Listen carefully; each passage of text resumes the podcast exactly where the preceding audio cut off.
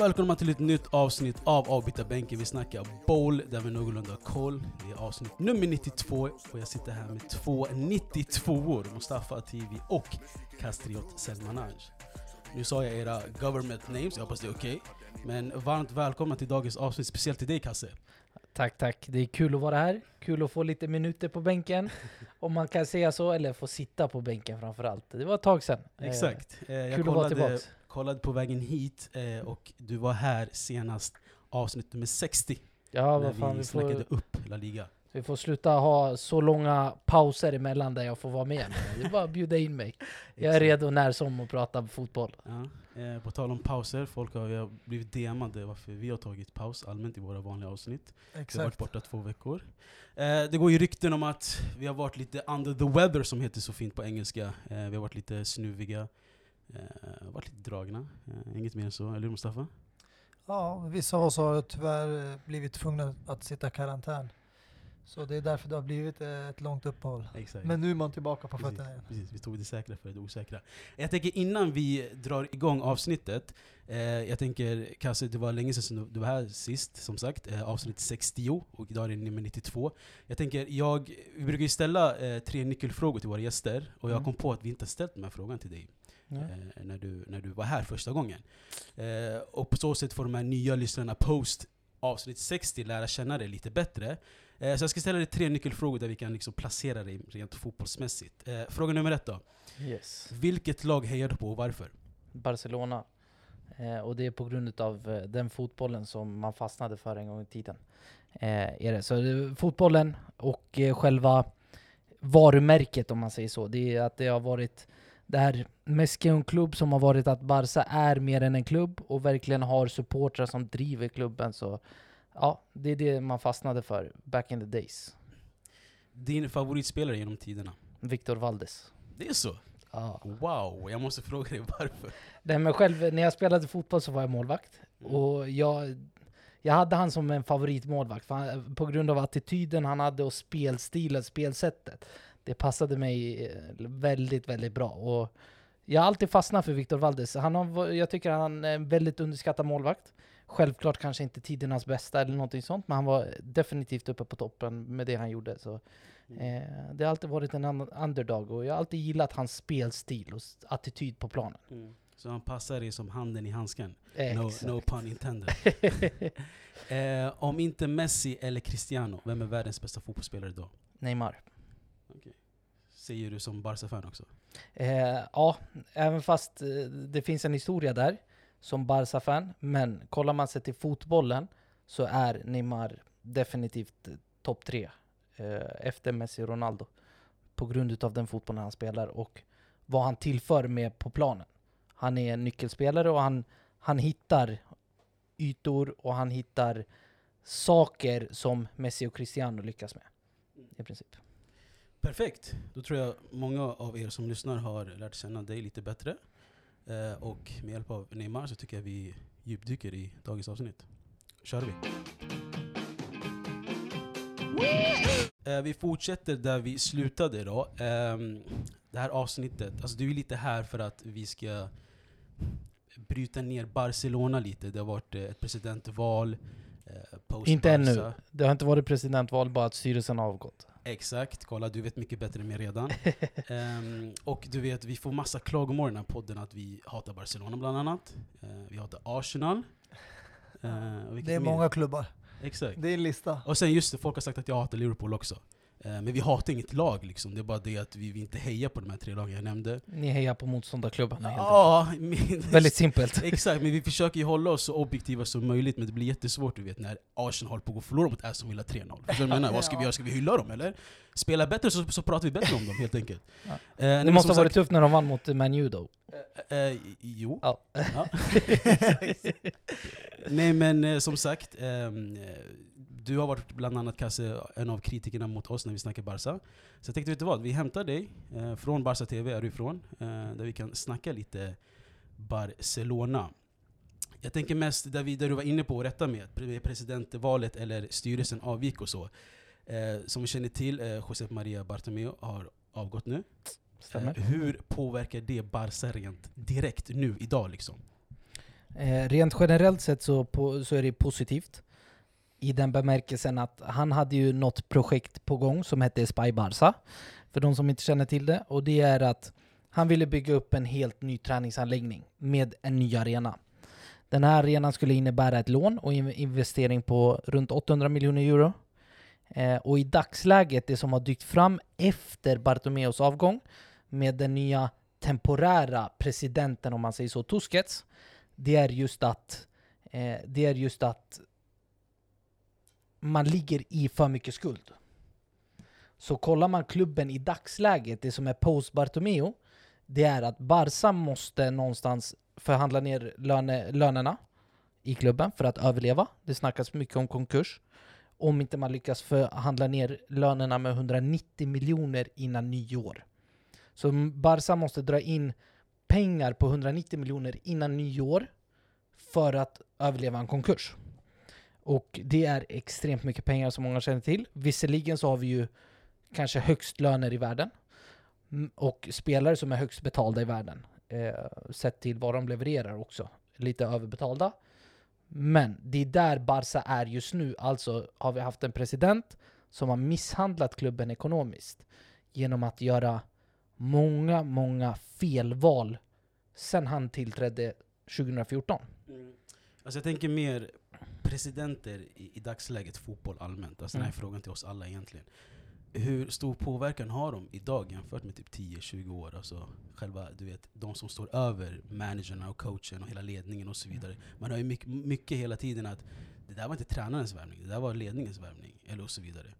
Eh, alltså vad, vad skulle ni säga att, eh, hur, mycket har de, hur stor roll har de tagit genom åren? Presidenterna och ledningen och så vidare.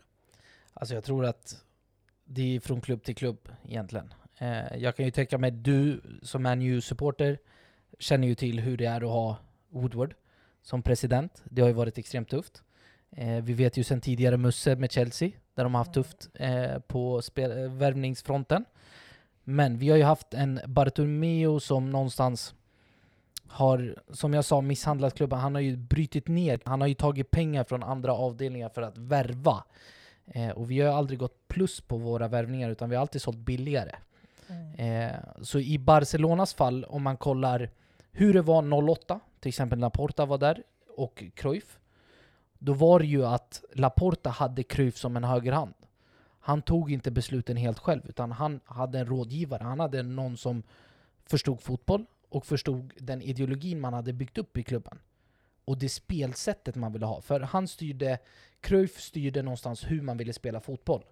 För att det var den ideologi vi ville ha. Och då hade han ju, till exempel när Pep tillsattes, det var ju Cruyff som tillsatte honom, han var ju väldigt nära på att tillsätta Mourinho under den perioden. Men i dagsläget så finns det ingen Cruyff i Barcelona. Så Bartomeu gör allting själv. Och någonting man har märkt under åren sedan 2014, det är alla som har sagt emot Bartomeu har fått kicken. Så det är, där märker man väldigt tydligt att ja, men Bartomeu i Barcelona har haft en alldeles för stor roll. Mm. Ja, du menar att det har varit lite mer som en diktaturstyre I under princip. Bartomeu istället för demokrati där man delar idéer och låter andra också ta beslut. Inte bara delar idéer, men att du rådfrågar folk. Det handlar mer om att du kan inte allting. Du är en, Men, en människa, du har rådgivare som ska hjälpa dig på traven för att göra klubben bättre. I det här fallet så har klubben blivit sämre ekonomiskt Mm. och spelmässigt sett. Vi har ju tappat allt som har egentligen gjort Barca till Barca. Allt med ja, La Masia, det har tappats helt och hållet. Kollar vi de senaste åren, hur många La Masia-talanger har man plockat upp? Man har istället sålt dem extremt billigt, eller liksom gett bort dem i princip. För jag att man tror inte har plockat upp alltså, dem. Man har anpassat sig till hur marknaden har format sig.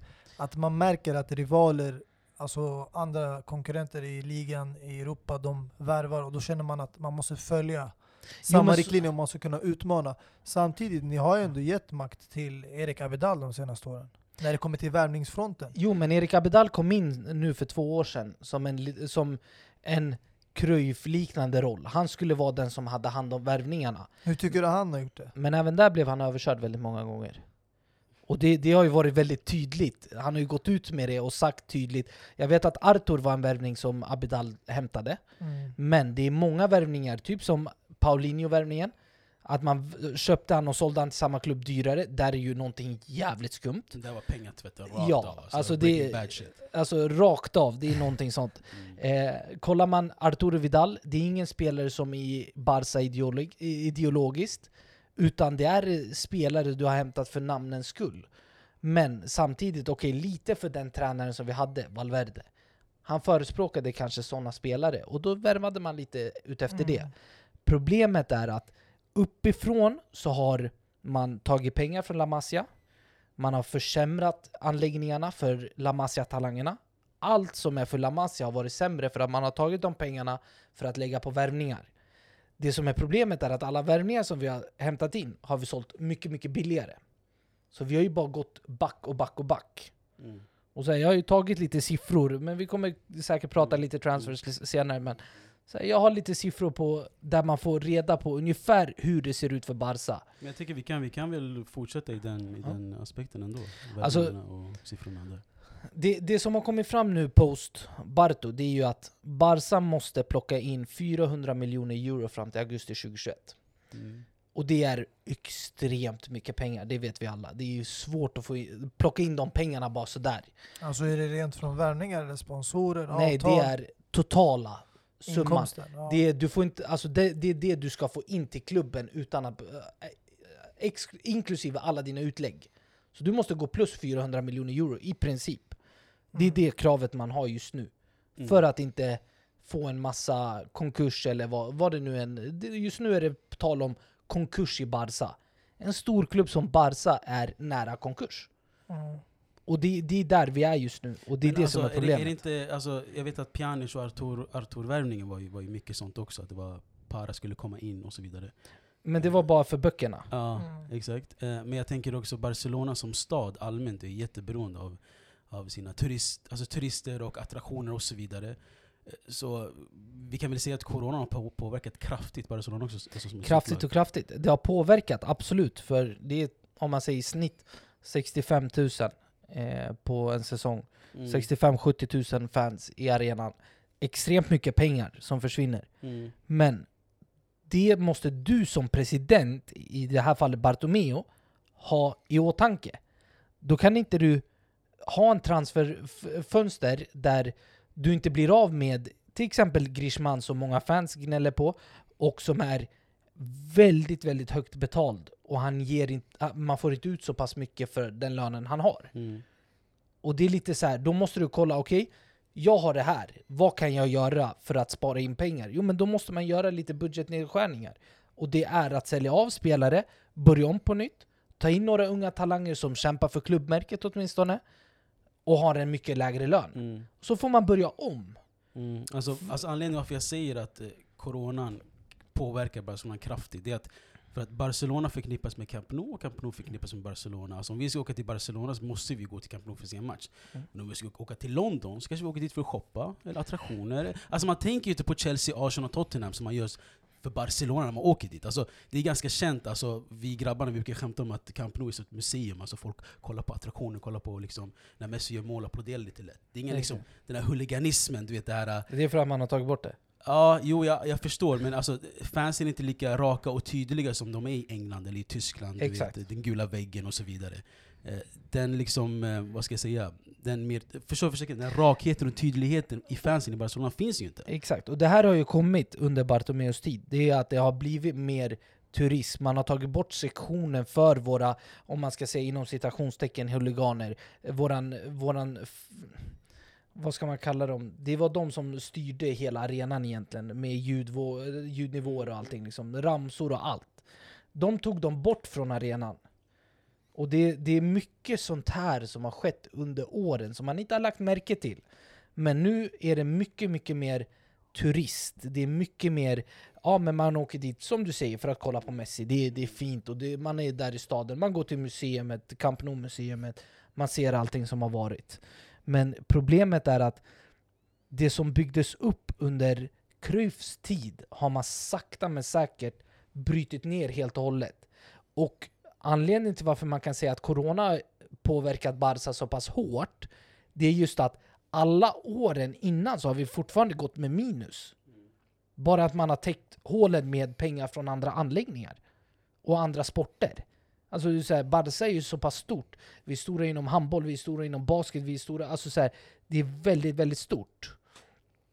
Och där, där är ju problemet. Man har ju tagit pengar, man har lånat pengar från andra, andra avdelningar om man säger så, för att täcka, täppa till de hålen som man har i fotbollen. Och det är där, och då när corona kom, inga fans, då blev det självklart extra kraftigt. Men kollar man under årens gång så märker man att okej, vi har spenderat mer än vad vi har tjänat. Vilken värvning kan man säga på rak arm där vi har gjort med vinst? Det är Jeremina, i princip. Ja exakt, för den, för den var så tydlig. Ni köpte han för var det 18? 12 miljoner 12 till och med. ungefär. Han gick iväg på ett VM och Exakt. gjorde en kanon-VM. Värvades av- av Everton för 20, 30. 30 till och med. Eh, så den var liksom, alltså det, det var inte planerat att göra så. Nej, men det kom. Precis. Och det var precis. den enda värvningen. Vi hade möjlighet att tjäna pengar på Rakitic för två år sedan. PSG la bud på 80 miljoner. Vi tackade nej till det. Och vad hände nu? Jo men vi behövde betala ut hans avtal och vi fick en och en halv miljon för han från Sevilla. Och det, det som är problemet nu, folk tänker okej vi har släppt spelare gratis. Vi har inte släppt spelare gratis den här sommaren.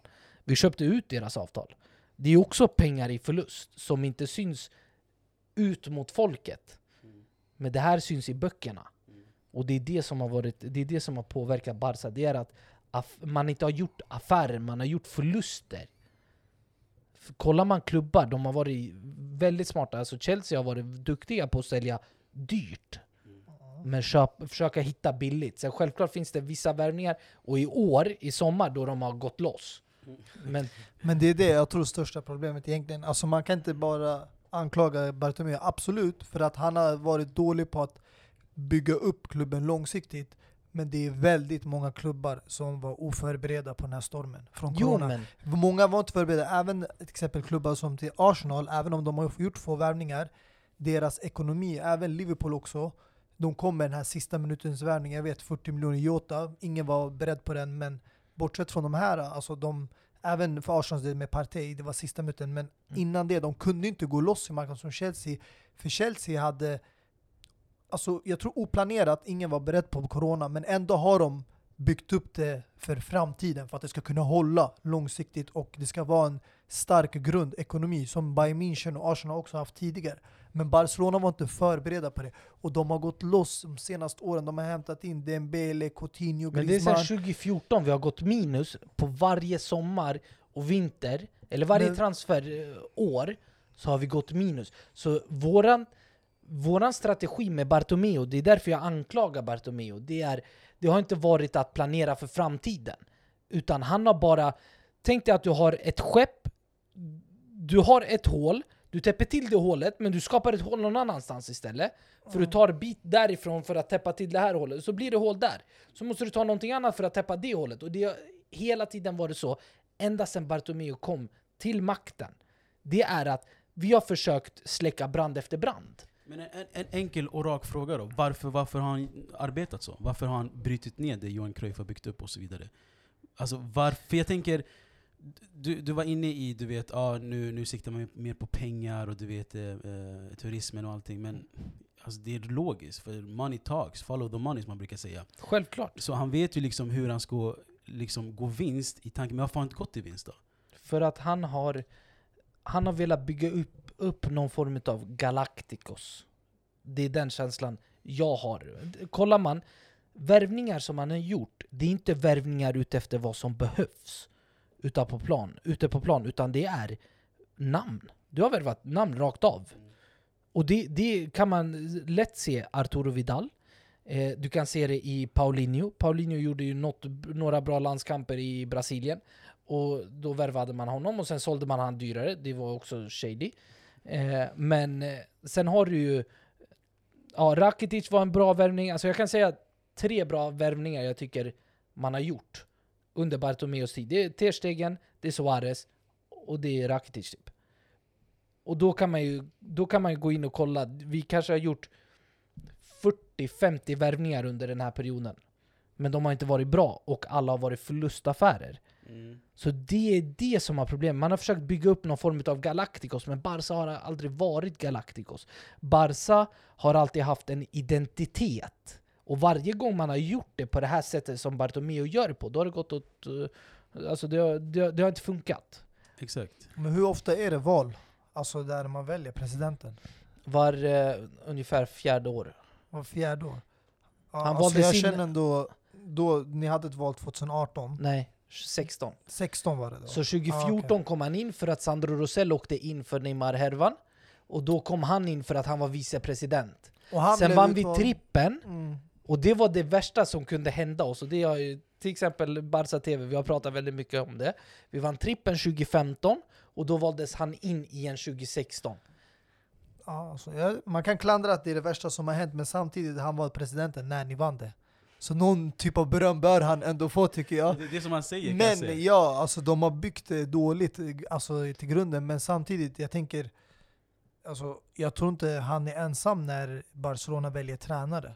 Alltså jag tror han Jo. har ju några som måste ta med beslutet. Alltså som Han har en har det här fotbollsperspektivet, som har en högre hand eller någonting. Han har en styrelse. Vill du veta hur många gånger han har bytt ut styrelsen eller? Han har bytt den två gånger under eh, de här fyra åren sedan 2016. Då har han Mm. bytt ut hela styrelsen för att folk har fått kicken, folk har slutat för att de inte får en syl i vädret. Alltså det är, det är ingenting som händer. Det är Bartomeu rakt av. Varför slutar en styrelse? Hur många styrelser slutar inom fotbollsklubbar? Det är inte många. Utan det är kanske någon som avgår för att man känner att det kanske är dags att gå vidare. Eller man går inte ihop med de andra. Och det är väldigt vanligt. Men att en hel styrelse, att vicepresidenten går ut offentligt och säger det här är helt efterblivet. Alltså att man använder Abidal som någon form av scapegoat. Mm. Det är mycket sånt som har varit. Och det har varit alltså, kolla bara den här härvan med att Bartomeu nu står anklagad för att han har använt en mediebyrå för att gå in och skapa fake-konton och anklaga Barca-spelare, främst Messi. Gå in och gnälla och skriva dåliga saker om På riktigt? Ja, har ni inte läst det? Nej jag missade. Ja, kan, du- kan, kan du bara upprepa det? Jag Så alltså, så du menar det här med att han använder Abidal som scapegoat? Alltså du menar att Han, han, han de där bär inget ansvar alltså? Med andra ord, Abidal är en eh, i hans position tidigare, han förtjänade inte få sparken utan han borde varit kvar för att det är inte han som ligger Nej. bakom de flesta besluten. Han borde inte anställts för den rollen i, från hela början. Utan det var mer att man anställde honom som någon form av att okej, fokuset kommer ligga på Abidal nu. du menar som inte en på mig. sköld alltså, han använder Ja, Abidal. men som en scapegoat. Alltså det var mer att man, man, han, det, är det, det är sådär Bartomeu har jobbat mycket. Så fort fokuset riktas på honom, han har varit extremt dukt, duktig på att rikta bort det. Och kolla det här, bara för att gå in lite mer i den här härvan med att eh, fejkade profiler. Just nu så har, det man märkte det var att helt plötsligt så blev det ju väldigt mycket skriverier om Barca spelare. Det blev mycket negativa kommentarer på eh, sociala medier. Mm. Och det kom, det kom från ingenstans. Och sen märkte man att ett företag har, nu, vet nu minns jag inte vad de heter, men de har fakturerat Barcelona. Så, så kollade man in på det här företaget och undersökte lite mer. Och då såg man att det här företaget är en mediebyrå som har skapat profiler eller skapat konton på sociala medier för att anklaga Barca-spelare. Och det, det märktes väldigt tydligt. Och sen lades det företaget ner. Bara sådär. När det, när det uppdagades. Och då blir det så här: okej, det här känns väldigt skumt. Och då märker man, de har fått pengar för att snacka skit om Barca, spel, eh, Barca överlag. För att ta bort fokus lite från Bartomeu. Och det, det är väldigt enkelt.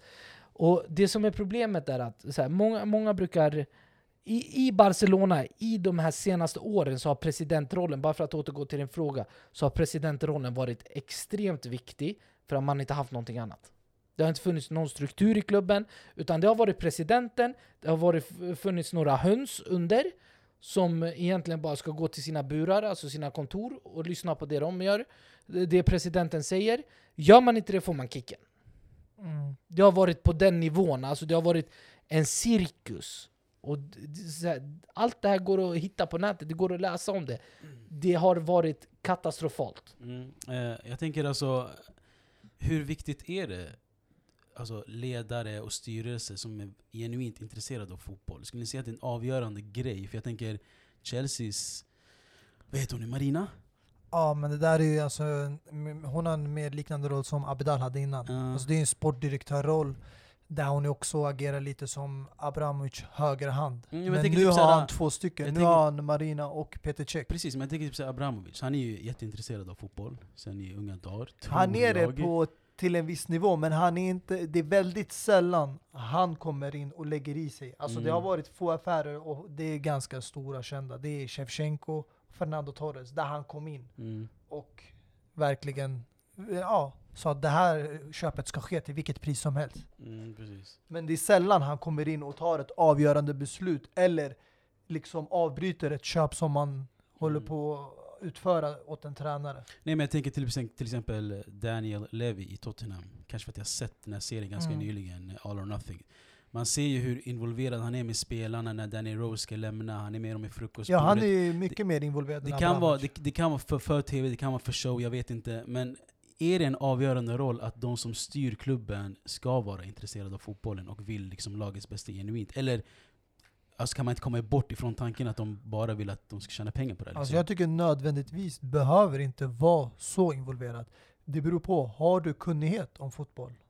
Och eh, kanske Dan Levi i sin roll, han kanske har mer koll på fotboll än Abramovic. Och därför är han mer involverad i klubben och värvningar och sånt. Men är du inte en, alltså den typen av personer, då tycker jag det är okej att man har en högra hand eller en sportdirektör som har hand om den delen som du inte är expert inom. Och låter dem sköta den delen och du öppnar bara plånboken när det väl behövs. Du lutar dig tillbaka Jag- och jag bara håller- skriver under det sista pappret med underskriften om det behövs. Jag håller med delvis. Jag håller med delvis. Jag, jag är lite inne på det du säger Dini. Det är att du måste ha någon form av fotbollsintresse för att kunna driva en fotbollsklubb. Absolut. Det måste finnas någon form av genuint intresse. För att bara vara affärsman, det kommer inte funka i längden. För att fans ska tillfredsställas och det gör du inte genom att tänka bara, bara pengar ut och in. Det gör du inte. Utan det finns så pass mycket mer och det finns så många fans som har olika typer av känslor. Så någon form av fotbollsintresse och fotbollskunnighet måste man ha. Men som du säger, du kan inte göra det själv. Som president kan du inte göra allting själv. För du ska ha koll på, ja, du kanske ska fixa samarbetsavtal, du ska, kanske ska fixa sponsorer och fokusera på att driva in pengar till klubben. Och då har du istället folk som scoutar, det har man oftast, du har alltid en scouting-stab. Du har alltid en eh, klubbdirektör som ska fokusera på vilka spelare behöver vi. För en tränare ska kunna vända sig till någon och säga jag behöver så de här spelarna med de här, de här tekniska kvaliteterna till exempel. Jag behöver någon bra försvarare med bra fötter, som kan, en spel, skicklig försvarare. Ja, då ska sportingdirektören till exempel, sportdirektören, säga till scoutingstaben, nu behöver vi ha en sån här typ av spelare. Vad har ni? Och börja liksom planera arbete för att få in en sån spelare. Men en president, absolut att man kan vara involverad och vilja veta, men du ska inte vara den som driver allting. Mm, exakt. Eh, du var inne lite inne tidigare i, du rabblade upp lite spelare som Bartomeu har värvat, eh, Vidal och så. Jag tänker, innan vi lämnar hela det segmentet har jag några frågor kvar, för som sagt det här är ingen Barca-podd, tack gud. Eh, det finns Barca TV i, i Facebook och allting, så följ dem om ni vill verkligen djupdyka i Barcelona. Men jag tycker vi stannar kvar i Barcelona lite till i alla fall. Eh, du var inne i värvningarna som Bartomeu har gjort. Kan vi, kan vi kolla lite så här flipp och flopp-värvningar om vi har våra egna? Jag vet inte Mustafa om du har kikat på eh, listan?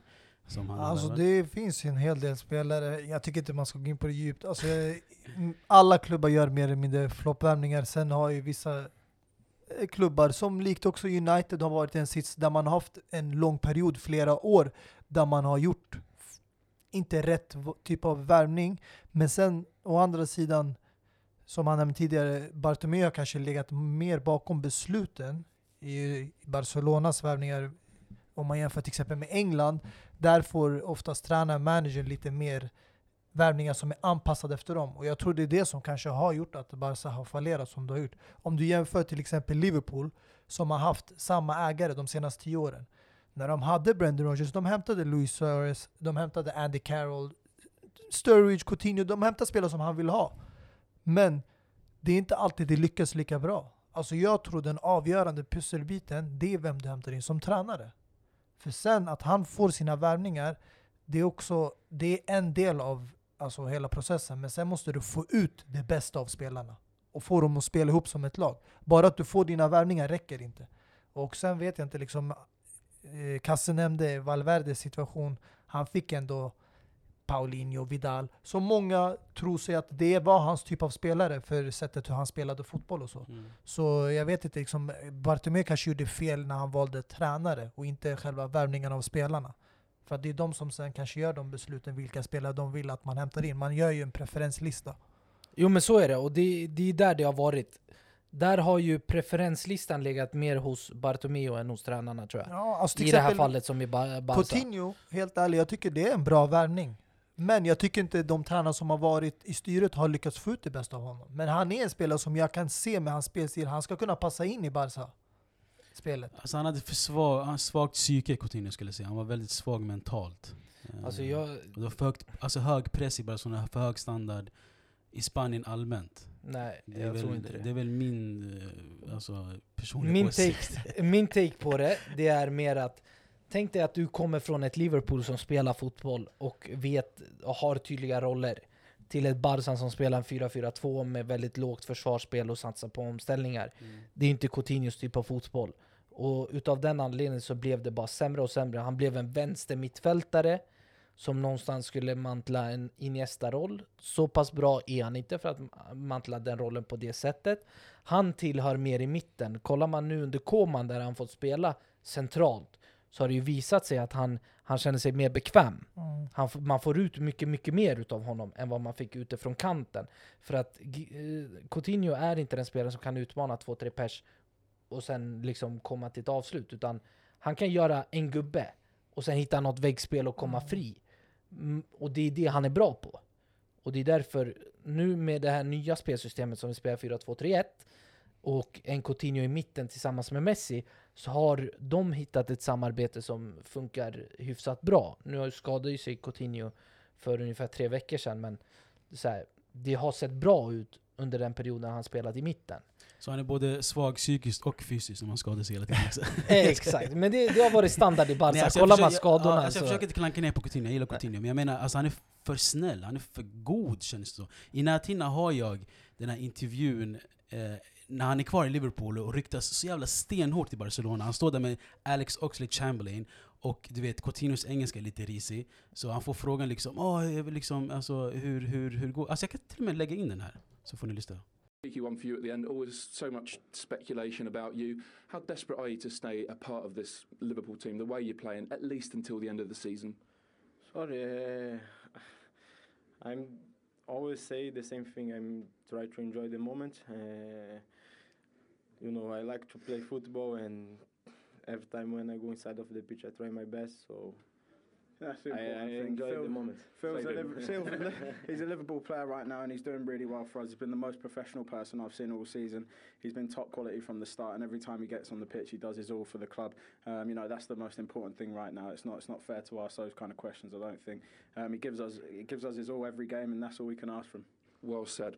Right. Tydligt hur Alex Oxlade-Chamberlain får komma in som en superhjälte och rädda honom och liksom får eh, besvara den frågan åt honom, Coutinho. Men det är inte det jag försöker säga om Coutinho. Jag menar bara allmänt, det känns som att han är för, du vet, man bara uh, han är så god, du vet, Coutinho. Men hur som helst, eh, vill, vill du ta dina topp tre värvningar som, eh, eh, som har skett under Bartomeu och dina topp, vad säger man, topp dåliga, topp? Ja, så jag, jag, jag, helt ärligt, jag tror inte jag har någon rank. Jag skulle säga topp tre bästa. Men Jo men det är rätt tydligt. Alltså- M- Ter Stegen, Suarez eh, Ja, och Suarez kom, Rakitic. eh, Det är de tre som men, har varit eh, Men de du- bästa. Vadå, han var den första värvningen, alltså 2014 Ja. då? Kom han. han I var det första året han Mm. vann trippen? Ja, ja han, han kom ju 2014, 2015. Men jag tänker Jordi Ja. Alba då, Mascherano. Men Eh, Jordi Alba, det var inte de som värvade De kom innan. De var ju där de kom innan. innan 2014. Men kom inte Jordi Alba... Okej, han kom, just det, han kom 2012. Så topp tre skulle du säga, alltså Luis Suarez, Ter Stegen, Rakitic? Rakitic. Om man Mm. kollar sett till vad man har fått ut utav dem Mm. så är det här absolut topp tre. Eh, Topp tre värsta, alltså den är väldigt svår måste jag säga. ja, för att det finns, finns för många Alltså det finns en spelare jag definitivt skulle ha och det är Arda Turan. Alltså han hade de värsta förväntningarna, eh, alltså även om han kostar mycket mindre nu, Dembele och Griezmann sådana spelare, men när han kom från Atletico Madrid, eh, Eh, man hade höga förväntningar på honom, men man fick knappt se någonting av honom. Alltså väldigt lite. Alltså jag tycker nu man får ju se mycket mer av till exempel Griezmann och Coutinho innan han blev lånad. Även om de inte har levt upp till förväntningarna, men Arda Turan, man såg han knappt ute på planen. Och jag är rädd att Pjanic blir en liknande spelare, för att Pjanic, jag ser honom knappt där ute. Alltså han har ju fått speltid, men jag tycker en sån här värvning och den här åldern, med den erfarenhet han besitter, du ska in i elvan direkt. Egentligen, men det som, det som har snackats om väldigt mycket är att hans fysiska form har varit bedrövlig. Det chockerar mig med tanke på att han är en spelare som kommer från Serie A. Ja, där har de väldigt bra fysisk form. han, kom ju, han kom ju under en sommar, så det kan ha varit en liten Hazard-grej också. Ja. Det vet man. Försäsongen var inte lika, lika hård som den har varit tidigare år. Med tanke Mm. på att den var mycket, mycket kortare än vanligt. Så det kan vara någonting där också. Eh, men kollar man, för min del, Grishman är absolut topp ett som den värsta värvningen. Han var ju, han var ju vidrig mot eh, Betis var det, eller? Ja, Missade straffen, missade lägen. tre frilägen, en straff och sen gör han mål i öppet mål och man ska tydligen hylla han för det. Alltså, det där Och är Messis mål rakt av. när, när, när jag gör dummy, det där är Messis mål Det rakt är av. klart. Men Grishman har ju varit helt, helt bedrövlig sen säsongen startade och sen han kom egentligen, för min del. Jag tyck, Ja men grejen är, alltså, jag, jag, jag brukar ju lyssna på Barca TV och när ni Mm. snackade om Griezmann, alltså Griezmann, även om han var Atletico Madrid så såg man hans högsta standard liksom. Alltså han Mm. kommer aldrig Mm. passera den. Så jag fattar inte varför man värvar han ändå. Alltså han var en artist, han var den här som ville gå och göra Netflix-dokumentär Alltså, om jag- skulle stanna eller inte. Alltså Griezmann såg man, det här är en artist, det här är, det här är en värvning för, för, för de här unga pojkarna och unga flickorna när han gör de här Fortnite-danserna och, och du vet målgesterna och så. Det, det, det är rakt av en, en hype kring Griezmann bara. Men när det kommer till plan och hans fötter, alltså han är, jag vet inte vad han är bra alltså på det är, nu- nu jag tycker du är lite Nej, hård mot honom, men alltså om man ärligt. pratar om sant. Nej, alltså om man pratar om Griezmann i Atletico Madrid, det var inte att han fick hype bara för sina målgester. Hans målgester var någonting som var en rolig grej på sidan om, men hans statistik, alltså han levererade Atletico Madrid. Han Han, levererar var gjorde bra. mål och, alltså, och det, han, de krävde honom och levde upp till mer än förväntningarna. Men sen han, måste man ju kolla också vad det är för typ av lag. jo, Kolla i fran franska landslaget, hur ofta är inte Griezmann helt osynlig när man möter lågt försvar? Hur bra var han mot Sverige? alltså jag Griezmann, tror han många bedrövlig. kunde förutse att det här skulle bli en är efter klart. de här videosarna. Alltså när du först releasar att du älskar eh, Atletico Madrid Mm. och du vill stanna kvar. Och ett år Och senare sen- du kommer. Och det, Direkt det efter att du har på kontraktet lämnar du för en så här dundersumma till rivaler. Och det blir så här. äh, Är den här personen ens en ärlig? Är han äkta? Eller var det så här bara falska känslor han släppte ut till Atletico Madrid-fansen? Det, det, är också, det är också en grej, det här är viktigt att lyfta upp. Det här är ju Bartomeu-värvning rakt av, det, det känns som det. Alltså att en person kan vara så äcklig mot en klubb och du ändå året därpå går och värvar den här spelaren. Det säger sitt. Tidigare, om man kollar Barca under Cruyffs tid, då var det extremt tydligt. Tackade du nej, då fanns det ingenting komma tillbaks. Det var inte så att man gick efter spelaren en gång till. Det var extremt tydligt att du får en chans att komma till Barcelona. Nu har det varit, du kan spotta på klubben. Du kommer ändå komma till, till klubben om du vill. För att Bartomeu har nedvärderat klubben, han bryter ner klubbens någonstans stolthet. Nu finns det inte det som har varit. Det som har varit var att Barca var den klubben alla vill till. Nu är det klubben som jagar alla spelare men måste betala dubbla priset för att spelare ska komma. Och det, det är det som har varit problemet under de här åren. Och det är därför vi har gått så pass mycket minus. Alltså, jag räknade lite snabbt på värvningar. 400 miljoner euro är det vi har lagt ut mer än vad vi har fått in i salu. Mm, den är sjuk. Alltså det, det är är mycket sjuk. pengar. Sen tänk dig det vi betalade för att köpa ut av, avtal i somras, sign-on bonusar och allt det här som inte ens är mer. Det här är bara övergångssummor. Mm. Lite lätt räknat.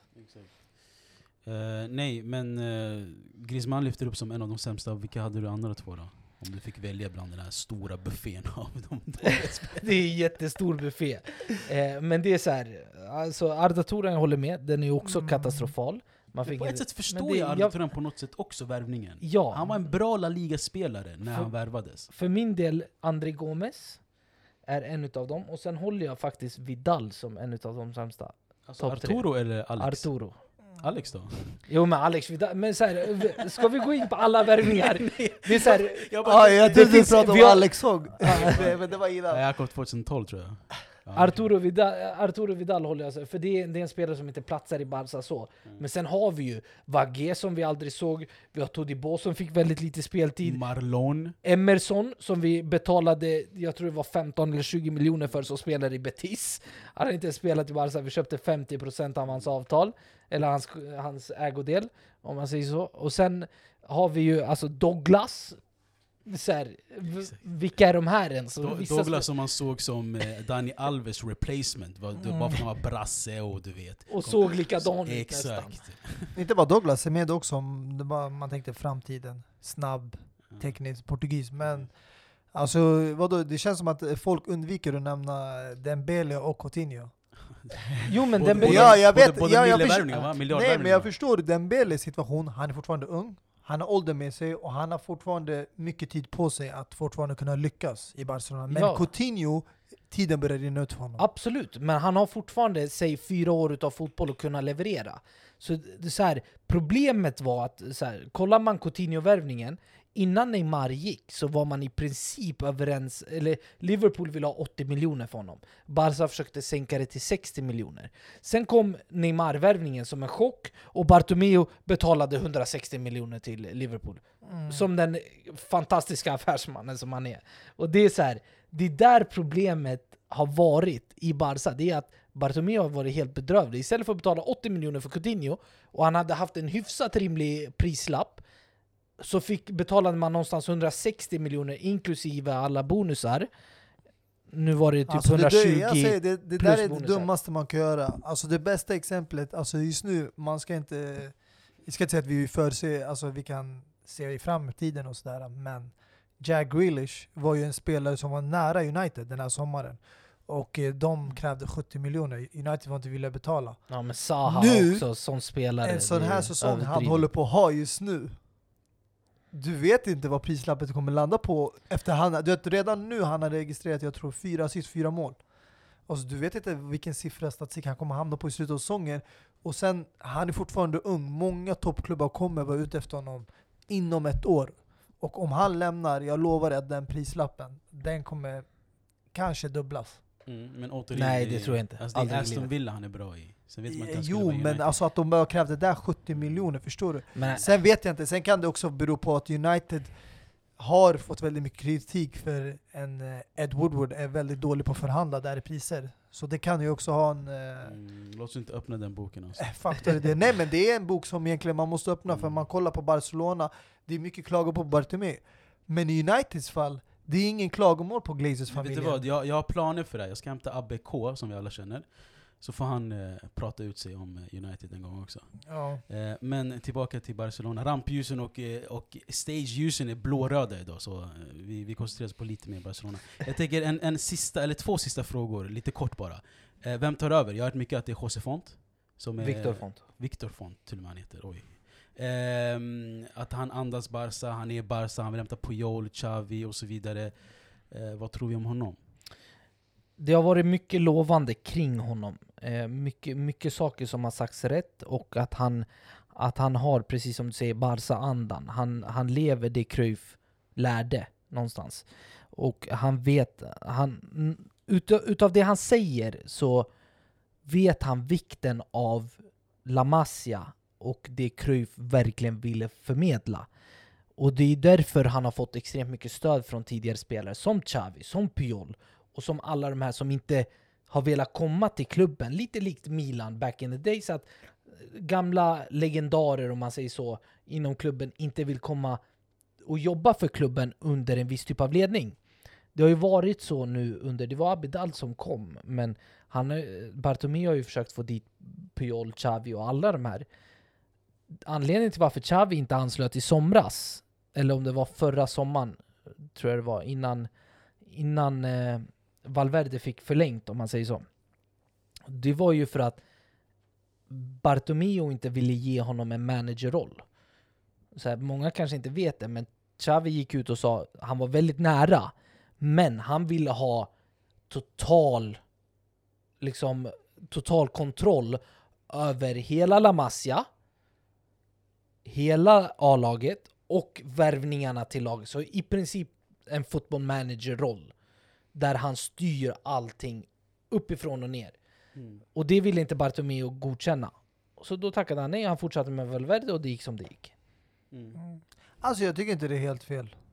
Alltså jag tycker, alltså även om man är en tidigare legend, alltså du måste ha en bra merit som tränare för att sätta sådana krav. Jo men han satte ju det kravet för att han förstod vad han hade att gå mot. Mm. Det finns ju en anledning till att man sätter inte det kravet mot en klubb man älskar bara för att. Utan Nej. man har en plan, du ska få följa den planen.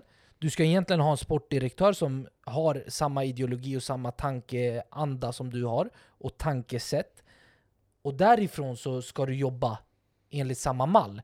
Så Mm. var det när, när Pep kom till eh, tränarbänken och blev tränare för Barcelona. Då var det att Cruyff hade samma ideologi som Pep. De gick ihop, de synkade väldigt bra. Cruyff ville vad, visste vad Pep ville och Pep visste vad han kunde få från Cruyff. Och Laporta var man nog att säga jag litar på Cruyff. Mm. Jag tar det han säger. Vem skulle anställa en Pep Guardiola som har ett år i Segunda B? Visserligen gör han det väldigt bra med Barca B-laget under den perioden, men vem skulle anställa det för en Mourinho med världskända meriter? Det är bara Cruyff. Mm. Ja. Nej, jag sa, jag vill bara rätta mig själv. Varför jag sa José Font, jag tänkte ju på eh, han som spelar i Lille idag. Mm. Exakt. Mm. De spöade ju Milan 3-0, Ja. så jag hade han i Det är lätt att blanda upp en eh, ägare och en spelare. Ja, som har samma efternamn. Font, Font, José Font. Men det, jag tror att det kommer, bara för att återgå till frågan lite snabbt. Jag tror att det kommer komma väldigt många legendarer tillsammans med Font. Till klubben som Alltså det kommer är ju rätta drömmen, till, måste jag säga. rätta till Det- klubben och ändra liksom eh, allt som har varit. Alltså om jag var Barca jag skulle satsa på att hämta tillbaka Laporte. Som eh, Real Madrid gjorde. De hade Perez mellan 2000 och 2006. Men sen 2009, där uppehållet mellan 2006, det var, det var någon annan ägare. Och sen hämtade de tillbaka Perez. Det gick hacket i början med Pellegrini, men de försökte göra de här Galacticos-värvningarna igen. Som de gjorde med Beckham, Figo, Ronaldo. De hämtade in Kaká, Xavi Alonso, Ronaldo, alla. Men till slut fick han igång det. Även om inte alla de spelpjäserna fanns med sen med Mourinho, Ancelotti och sen nu Zidane. Jag tycker ändå, har man haft tidigare en framgångsrik period med en ägare, det är inte fel att satsa på ett säkert kort. Och Jag Absolut. tycker Laporte, om han hade ett sånt förtroende för Cruyff, då kan han ge det förtroendet till en ny sportdirektör. Om han hämtar Piol som sportdirektör och kanske Xavi som tränare. Absolut. Men i dagsläget så verkar det som att många backar Viktor Font i den rollen och att han verkar väldigt vettig i det han vill åstadkomma. Eh, en absolut sista fråga då. Kort fråga, kort svar. Är det här Messis sista säsong i Barcelona? Svårt att säga. Det kan inte... Väldigt safe svar måste jag säga. Nej, men det- det är så här- menar efter Bartomeu taggar så är det svårt att säga eller? Ja, men framförallt i och med att Messi har varit tydlig med att han, han vill ha ett tydligt projekt. Det har aldrig funnits något projekt med Bartomeu. Han sa ju det i sin intervju. Det har inte funnits något projekt, utan man har bara tagit med en klackspark och försökt, försökt göra det man kan för att vinna Champions League i princip igen. Men det har inte funkat för man har gjort allting fel. Eh, och för Messi har det varit tydligt. Han vill ha ett projekt där han vet att det är saker som händer i Barca, en utveckling som går framåt. Det har inte funnits hittills och det är inte Messis jobb att se till att det finns en utveckling. Då har han velat söka sig bort. Det han har fått ut av ledningen det är att han bara behöver säga till när han vill lämna Barca så får han göra det. Och nu, eh, ja, som en orm eh, som Bartomeu är, så började han fula sig mot Messi och yrka på klausuler och allting. För att han visste att Messi aldrig skulle gå till rätten mot klubben. Och sätta klubben i sådana situationer. Mustafa, stannar Messi eller inte? Alltså, jag, alltså det är lite på det spåret han är inne, men jag tror det kommer vara avgörande vem som blir president och sen om Komen stannar kvar som tränare, hur bra de kommer överens. Mm. För Viktor Font- alltså, det kommer vara viktigt att den nya sportdirektören kommer bra överens med Komen, så att de kan få till rätt värvningar och Sen är ju bygga fråga- ett långsiktigt projekt. Sen är frågan om Koman är kvar också. Ja. Viktor Font har varit extremt tydlig med att Koman kommer inte vara kvar om han kommer till makten. Han sa att han, Koman kan, kommer kunna få en annan roll i klubben, Där men han kommer inte vara på tränarbänken. Ja, och det där det sätter alltså ännu ett frågetecken på vem som kommer komma in och ta över. Och då kommer Messi vilja ha kvar, för att Messis kontrakt går ut. Och om inte han vill förlänga det, den här gången kan de inte sätta stopp för det. Med någon eh, klausul och sånt, utan då går han helt gratis. Så det kommer kräva mycket för att få honom att skriva på ett nytt kontrakt. Men Viktor Font kampanjar ju med att Xavi kommer komma som tränare om han blir president. Mm. Det är äh, avtalat, om man säger så. Vi har sisådär ungefär Tio minuter kvar innan vi når timmen. Eh, jag tänker, eh, Mustafa du nämnde lite innan övergången om eh, Perez och Galacticos och så. Jag tycker vi, vi, vi fortsätter där med rivallaget och eh, huvudstadlaget. Eh, det har snackats mycket om, eh, som sagt vi var, bort, vi var borta två veckor av eh, legitima skäl. Eh, men det har snackats mycket om när vi var borta om den här Benzema och Vinicius-karusellen i eh, spelartunneln där Benzema eh, snackade med eh, Mendy lite, lite tyst, vad han trodde. Att det Mm. inte fanns några kameror och att man inte liksom skulle passa Vinicius och sa det på franska liksom. Han sa jag svär på min mamma han spelar emot oss. Eh, Så han tog ut sin eh, ghetto-franska eh, till Mendy. Eh, spontant, vad tycker ni om, om, om hela den grejen att, att spelare liksom pratar emot varandra? Var det i, i stundens hetta eller var det för att Benzema hade rätt att Vinicius verkligen är dålig? Vad fick ni för känslor när, när ni såg det klippet? Alltså jag tar det med en nypa salt. Alltså, jag tror, jag, alltså du vet, det är som när du spelar fotboll, eller du spelar tv-spel eller någonting och du så här, äh, säger någonting negativt. Du kan ge lite du vet, äh, kritik. Men du menar verkligen inte det. Det är bara att för stunden är du kanske besviken på din partner, på din medspelare. Men jag tror inte verkligen han menar att han spelar för det andra laget, han spelar emot oss. Definitivt inte. Jag tror det var bara i stundens hetta. Han var liksom väldigt besviken efter första halvlek. Och vet, sa en kommentar, han tänkte att han pratar franska. Vinicius förstår inte med Mendy, men jag tror inte han tänkte liksom att det ska fångas på kamera och det här ska vara en allvarlig grej. För självklart, de spelar med varandra och man har sett dem tidigare spela med varandra. Så jag tror inte han verkligen känner så i botten av sitt hjärta. Alltså person, ja, alltså vi, visst kan man ta det med en nypa salt, men det finns ju någonting bakom det. Vi, vi alla har ju sett att Vinicius är ju bra på en sak. Han är ju extremt bra på att utmana. Och extremt bra på att eh, liksom göra sin gubbe.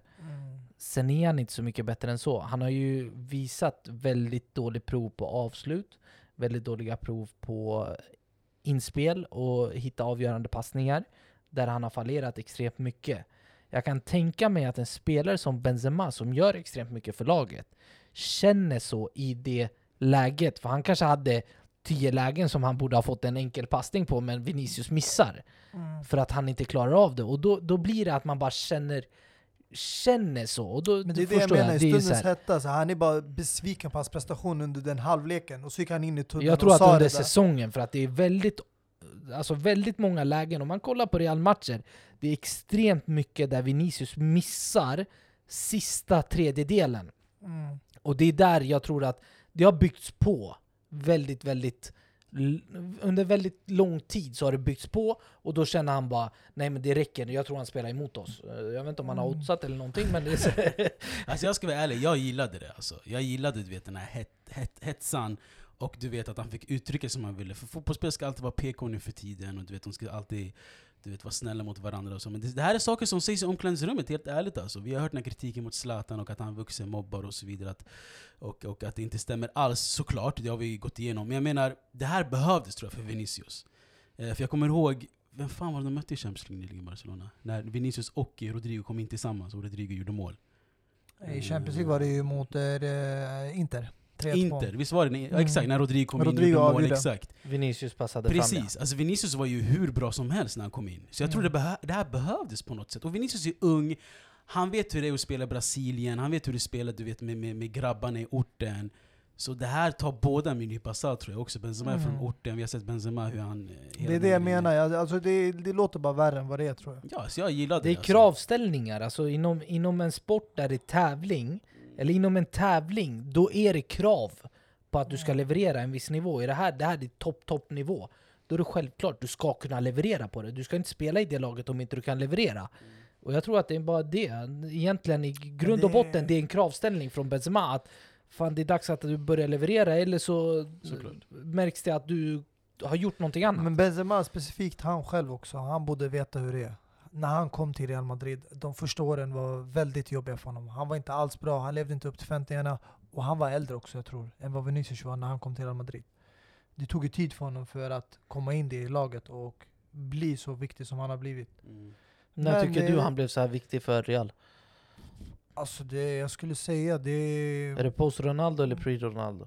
Nej det är ju självklart, alltså han kom ju väl eh, tillsammans med Ronaldo. Ja. Men jag tror under Pellegrini och Mourinho var han inte bra. Det var under Ancelotti där någonstans. Men även där, när, under Ancelottis tid, alla vet, de spelarna som stack ut, det var Ronaldo, det var Di Maria. Och Gareth Bale hade ett fantastiskt år när han gjorde Bartra.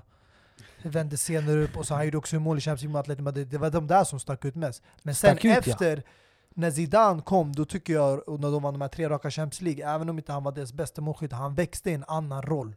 Och blev en mycket viktigare spelpjäs för Det är laget. skillnad på att sticka ut och vara viktig för ett lag. Det är två helt olika Jo, jo, saker. men Att sticka ut, det är du som har ansiktet utåt, det är du som... Det ser ut som att du gör allting med Benzema. Det han gjorde, det gjorde att Ronaldo kunde skina på det sättet. Exakt, jag har sagt det är förut, det. Benzema har varit Reals viktigaste spelare kanske, tillsammans med typ Casemiro sen han kom under Zidane, har han varit Reals absolut viktigaste spelare för det han har gjort ute på plan. Han har inte gnällt, det är nummer nio man har tagit och lagt han på en helt annan roll. Han ska göra grovjobbet så att en spelare som Ronaldo får peta in bollen i mål, i princip. För att det är ju Ronaldo... bara en tränare som lyckades få honom att göra det. Zidane. Absolut. Det är ingen annan tränare som hade honom innan Ancelotti, Mourinho, de här lyckades inte, eller Benitez, få honom att göra det jobbet. Absolut. Så det är därför jag tycker, om han, någon ska förstå det, att ge Vinicius lite tid. Hur gammal är han? Killen har en, minst ett decennium framför sig, förstår du? Mm. Där han ska kunna prestera och leverera. Så ge killen tid. Så kommer Som han sagt- bli din lilla Robinho där kanske, eller Vi- Neymar. Vinicius måste lära sig passa bollen för Nej, att han ska exakt. kunna alltså, leverera. Jag tror bara det det är typ det. livets hårda skola. Benzema gav han en lektion på livets hårda skola. Helt Mm. enkelt, alltså, inte mer än så. Eh, jag tänker, eh, vi är ändå en aktuell podd. Eh, idag är det onsdag. Eh, så jag tänker, eh, det har gått tre dagar sedan eh, klubbfotbollen spelades. Så det är därför vi aktivt valde att inte djupdyka i helgen och så. Eh, för vi håller oss aktuellt, och jag tyckte Barcelona var jätteaktuellt. Så. Men eh, tycker ni det stack ut något från helgen som ni vill jättegärna få in i det här avsnittet innan vi avslutar? Ja, jag tycker definitivt. Det finns ju väl en del saker. Alltså många tycker Real Madrid-matchen stack ut. Mm. Det här med Som La Liga-supporter ja. så definitivt så stack Ja, det är, ju- den, det är en match som stack ut. Men alltså, jag kollar ur ett perspektiv att ja, det var ett hattrick av Carlos Soler, men det var tre straffar. Och det var ett Real Madrid som precis fick Casemiro, som du nämnde, väldigt viktig spelare, och Eden Hazard som har kommit tillbaka så har båda blivit drabbade av corona innan helgen. Så jag kände, jag, jag kände, jag visste medvetet, jag trodde Real skulle åka på en förlust på Mm. borta mot Valencia när de förlorade de här spelarna inför matchen. Jo men absolut, men sätt de gör det på. Ja. Tar ledningen med 1-0, det ser bra ut, det går bra, Benzema trycker dit 1-0 hur enkelt som helst i princip. Får tre straffar emot sig. Men, Alltså det är tre Jag solklara ska straffar helt som... ärlig, alltså. Det händer ju inte! Jag förstår än idag inte varför Marcelo startar de här stormatcherna före Ferland Mendy. För jag tycker Ferland Mendy, sen han har kommit in till Real Madrid, har gjort ett mycket bättre jobb. Frågan är om Zidane såg det som en stor match med tanke på vilken turbulens som har, som har funnits i Valencia. Ja, men det är ändå ett, stor, alltså det är ändå ett bra lag. Eh, det, det Mestalla, är över, det absolut! De har alltså Valencia är tufft över lag att möta. eh, alltså det genomsnittliga om man tänker i La Liga. Men jag känner det som stack ut för mig, det var Aston Villa-Arsenal. För det där var inte ett, det, två jämna lag eller Aston Villa hade hemma, utan det här var ett lag där, okej de har haft bra resultat mot Liverpool, topplag, men det är på hemmaplan. Men man förväntade sig en jämn match, eller till och med en vinst från Arsenal, som precis kom från en vinst borta mot United, där jag känner också Arteta har fått, han förtjänar inte all hype han har fått. För att när man kollar hans statistik, Två efter titlar. lika många antal matcher som Unai Emery, han har mycket sämre vinst. Men eh, alltså, han lever upp på hype för att han har vunnit två titlar redan. Ja, och två titlar som är så här, som inte egentligen förtjänta, men det behöver inte vi gå in på. Men jag vet ändå att i längden kommer, när man får en hel säsong, för som du sa, Arteta kom in mitt i säsongen, det är då man kommer se resultat, när du får en hel säsong. Och det är det många inte ger. Jag tycker vissa tränare som Solskär beröm för, även om nu det går dåligt nu, den här säsongen, att när han fick en hel säsong förra året, det var hans första hela säsong i United, han lyckades ändå ta en tredje plats. Ja, alltså siffrorna visar, alltså Solskär har bättre stats, alltså vin, vin, vinstprocent eller vad det heter, bättre än Klopp och Guardiola. Jo men sen är ju frågan också, så här, kan man jämföra den staten med tanke på att de har varit där i vissa Nej, år? absolut inte. Ett absolut antal inte. år och Solskär har varit där i knappt ett och ett halvt år. Mm. Så här, för min del måste man ändå kolla vart, det, vart håller man på att ta laget? Hur ser det ut spelmässigt? Det är väl där Solskär har fått kritiken. Det är ju att det inte har sett ut bra ut spelmässigt sett. Att man inte har utvecklat spelet och laget och det har inte gått framåt någonstans. Alltså jag Det är tycker det, de har liknande problem, Arsenal United. Och det är att spelet fungerar inte. Det Arsenal Mot har större problem med, det är ju spelarna. Så kollar man, jämför man namnen i trupperna, det är, Arsenal har väldigt bra, det är ju två tunga namn där framme. I övrigt så är det ju egentligen hans... Men jag alltså, tror inte det, alltså största problemet är att deras spelsätt fungerar mot topplag som går framåt, som Mm. är det laget som tar första steget, som spelar offensivt. Men när de väl möter medelmåttiga lag, eller bottenlag, som ligger bara lågt och försvarar i 90 minuter och väntar på kontring, det är då det inte det funkar riktigt för United Arsenal? och Arsenal. ja, det är exakt samma. Det är, det- de har alltid problem mot de här botten och mittlagen, men sen när de väl möter City eller Liverpool, och då börjar de plötsligt prestera bra. Men det är för att det är mycket mer ytor och det är öppet spel. Och det är det jag tror det största utmaningen kommer vara för de här två tränarna. Nej, alltså jag, jag, Få ett spel fungera mot alla lag. Både topplag och bottenlag. Du måste ha ett sätt som att du kan låsa upp spelet mot lag som har lågt försvarsspel. Och där behöver man en nyckel. Men den nyckeln vill vi inte gå in på i det här avsnittet. Jag Nej, tycker vi exakt. lämnar den till Nej, ett annat. Precis, den nyckeln öppnar upp Pandoras ask liksom. Men en annan Eh. grej, som en sista som jag tycker har stuckit ut, det är Serie A. Där nästan all, eller många topplag tappade poäng. Inter, Atalanta oavgjort. Lazio, Juventus oavgjort.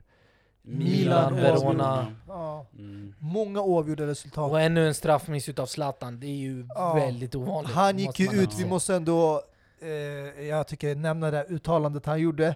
För att han brukar alltid vara den som du vet, alltså du vet, han är stolt och du vet, Mm. alltid självsäker, men han gick ut och sa det är dags att lämna över straffen till Kessie. han bara, jag tror det är dags att byta straffskytt efter så här många missar. Jag känner att det behövs en omväxling. Han gick ut själv och sa det här. Mm. Men jag tror han kände pressen. Nej men vi ser en ny Zlatan i det här Milan också. Alltså hur, jag vet inte om hur mycket ni följer honom på sociala medier, men han, han lyf, försöker verkligen lyfta fram sina medspelare hela tiden. Simon Kjär, Brahim Diaz och alla de här. Alltså det är, alltså, och, och han säger liksom all press upp på mig, de andra spelarna behöver inte ta någonting. Alltså när media kommer någonting, kolla bara på mig liksom. Så, Och sen det här uttalandet han gjorde du vet, efter han la ut bilden med landslagströjan. att han ville driva med dem Ja, eller? han ville- ville bara retas med Mm. svenska folket. Men han är mobbare då. Eller svenska folket är han en vuxen mobbare. Eh, med det sagt då, ska vi avsluta med eh, Zlatan? Eller nej, vet du vem jag vill avsluta med? Jag, jag sa att det här är avsnitt nummer 92. Vem tänker du på när jag säger nummer 92? Sharawi. Tack så mycket. Stefan Karim Sharawi. Eh, eller eh, The El Pharaoh. Sharawi, The. Pharaoh som han kallas. Exakt, El Sharawi. Eh, nummer 92 brukar han bära på ryggtavlan. Eh, jag tycker det är ändå ganska fint att vi avslutar med El Sharawi som är ändå inte är så aktuell annars. Han brukar aldrig nämnas i podden. Eh, så varsågod Sharawi. Han spelar väl i Shanghai någonstans tror jag nu. Ja, Ja, det ryktades lite tillbaka om comeback i Serie A, men Precis. vi får se. exakt. Med den här ikoniska frisyren som fortfarande rockar. Det är helt sjukt. Ah, jag vet Det inte. är den, här, Alltså, den här wifi-frisyren du vet. den rockade när vi var nere i Milano faktiskt. Precis, jag fattar inte hela den grejen alltså. Men eh, The Pharaoh, eh, vi avslutar med El Sharawi och Kasse. Tack för att du kunde komma. Kul att vara här. Jag hoppas att eh, folk fick en eh, lite större inblick i Barcelonas stora problem som är just nu. 100%. Ja. Och eh, vilka, vilka utmaningar Barcelona står för, inför. 100%. och det är alltid kul att prata fotboll med er i, här på bänken. Så jävligt kul att vara här. Thank you very much. Jag fick lära mig att det inte är den portugisiska mittbacken som är på väg till Barcelona för att ta över José Font. Det är Victor Font. Det har jag lärt mig. Kul, nu sitter det. Exakt. Med det sagt då, vi hörs någon gång nästa vecka. Peace. Rock Nation, what up? Corporate Thuggin', what up? It's a new day. DC mix. Yeah. My president is black, my Maybach too. And I'll be goddamn if my diamonds ain't blue. My money's dark green and my Porsche's light gray. I'm headed for DC. Anybody feel me? My president is black, my Maybach too. And I'll be goddamn if my diamonds ain't blue. My money's dark green and my Porsche's light gray. I'm headed for DC. Anybody? My president is black, in fact, he's half white. So even in a racist mind, he's half right. If you have a racist mind, you be alright. The president is black, but his house is white. Rosa Parks sat so Martin Luther could walk. Martin Luther walked so Barack Obama could run. Barack Obama ran so all the children could fly. So I'ma spread my wings. You can meet me in the sky. I already got my own clothes. Already got my own shoes. I was hot before Barack. Imagine what I'm gon' do. Hello, Miss America. Hey, pretty lady. Red, white, and blue flag. Wave for me, baby. Never thought I'd say this shit. Baby, I'm good. You can keep your puss. I don't want no more push. No more